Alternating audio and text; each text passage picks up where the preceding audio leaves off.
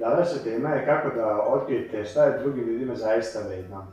Pre par dana imao sam a, sastanak sa potencijalnim klijentom, kada je došao kod nas, a, razgovarali smo, pa saznao sam koliko je plaćao prethodno knjigovođu i kada sam ja dao moju ponudu, moja ponuda je bila više nego duplo veća od prethodnog knjigovođe. I a, kroz a, određeni broj a, mailova i razgovora došli smo na kraju do dogovora o zajedničkoj saradnji. Iako je, kažem, cena bila mnogo veća nego što je prethodno plaćao. I sad dosta ljudi imaju to uverenje da a, cena je ključni i kriterij za donošenje odluka. I to jeste tako ako čovjek nema a, još nešto s čime može uporediti. Ako odete na pijacu i želite da kupite jabuke, imate tri štanda s jabukama, jedna jabuka koštuje 100 dinara, a iste jabuke druge jedne 120, treće 150, vi ćete uzeti najjeftinije zato što poredite jabuke sa jabukama. Ali, Ako povredite jabuke sa pomoranđama, onda cena ne dolazi u obzir. Zato je važno a, zaista shvatiti taj princip da ljudi će uvijek a, a, birati cenu ako nemaju, ne dobiju određenu vrednost, to jest ako ljudi a, osjećaju da neće dobiti veću vrednost nego novac koji će vam dati. I zato je bitno da kod drugih ljudi, kada nudite svoje proizvode usluge, da otpijete šta je njima zaista važno. Jedna od najboljih tehnika koju možete koristiti jeste da postavljate pitanja. Ja ću danas vama podeliti četiri pitanja a, koja će vam pomoći u tome. Prvo pitanje jeste, e, kogod dođe kod vas a, da mu postavite pitanje šta trenutno koriste. I onda, na primjer u ovom slučaju, ako dođe neko kod mene za knjigovostavne usluge, a onda kaže e, kod te sam agencije, koliko dugo ste kod te agencije i uglavnom da dobijete neko osjećaj gde je on trenutno od sada, to je ta tačka A, a kao što sam rekao u prethodnom videu, A ova drugo pitanje i druga pitanje treba da vas dovedu tu do tačke gde, gde on želi da bude. Da vidite gde je taj jaz, ta prazina, taj vakum koji vi sa svojim uslugama treba ili proizvodima treba da popunite i ako izvedite vrednost u očima druge osobe, onda će osoba biti spremna da a, da možda i više nego što je trenutno plaćao. A drugo pitanje jeste a šta vam se sviđa kod vaših radnih proizvoda ili usluge i onda možete pažljivo slušati i zapišite bar tri stvari na papir koje se sviđaju drugoj osobi, da ne budete suviše a, da suviše budete osobu u prodaju, ovako indirektno zaista se postavite kao neki konsultant, kao doktor, slušate, uzimate dijagnozu i kasnije ako vidite da imate rešenje, onda predložite. I ova pitanja vam u tome pomažu.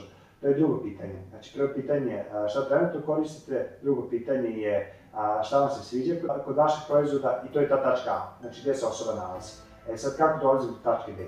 Sa treće pitanje. A treće pitanje je a, šta biste voljeli da je bolje ili ako biste mogli da poboljšate bilo koju stvar kod tog proizvoda i usluge, šta bi to bilo?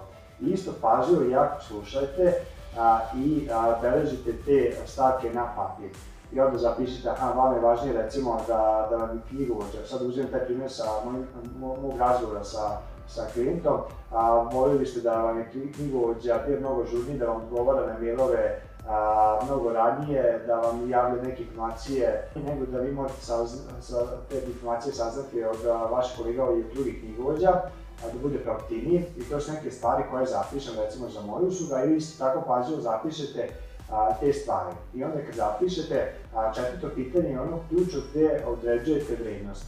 To je, postavite ovako, a ako biste mogli da a, imate ovo, i ako bih ja vama mogu pomoći u tome, koliko bi vam to bilo vredno? Ili koliko biste bili spremni da investirate, koliko biste to dobili? I onda sačekajte da osoba vidi koja je to cifra I ako osoba nije za najjasnije koji cifru da da, onda možete postaviti još jedno pitanje, to je koliko vas je do sada opuštalo zato što niste imali to, to, to i to što je e, stavio. I onda vi, e, kad on kaže, a, taj vaš potencijalni kupac, muštarija ili klijent, a, i tačno opiše šta je, vi se onda potrudite da ponovite sve to i ok, ali samo da budem siguran da sam vas dobro razumeo, vi trenutno koristite ovo i sa ove tri stvari ste zadovoljni ili četiri stvari, nije bitno, koliko god vi ponovite, da li je to tako, kaže jeste, a ako vi biste voljeli da umesto toga imate to, to, to, to, to i to bi vam bilo, bilo vredno toliko e, osoba isto ako potvrdi da, to je tako dobro ste me razumeli, kažete hvala i onda ponudite svoju uslugu. Ako bih mogao da vam a, ja tu ponudim da ostvarite, da li biste bili spremni da, a, ili da li ste bili otvoreni za saradnju a, i onda osoba će reći ili da ili ne, uglavnom će, a, zato što je ovo skroz drugačiji pristup od onog što je naučio, a, biti veoma otvoren, bar iz mog iskustva je tako, i onda jednostavno dati svoju ponudu i onda kad date svoju ponudu, iako je veća, a, neće biti problem zato što ste pre toga izgradili vrednost i osoba vam je rekla koliko, a, koliko je spremna da investira. To je jedna ključna stvar kod vrednosti. Kao što sam rekao u prvom videu, a, i korake imate da privučete više novca, to je da da budete vredniji ljudima, a druga stvar je da budete profesionalci, a treća da ne odbijate novac, a oko prve stvari danas smo pričali da je jako važno da vi prvo otkrijete vrednost i da vidite zaista osobi da li nešto vredno, pre nego što uopšte uskočite da mu pričate o svojim proizvodima i uslugama. Znači, prvo vidite da li mu vredno, ako mu je vredno, onda ponudite ono što imate. U ovom današnjem videu za sad toliko, do sledećeg videa veliki pozdrav.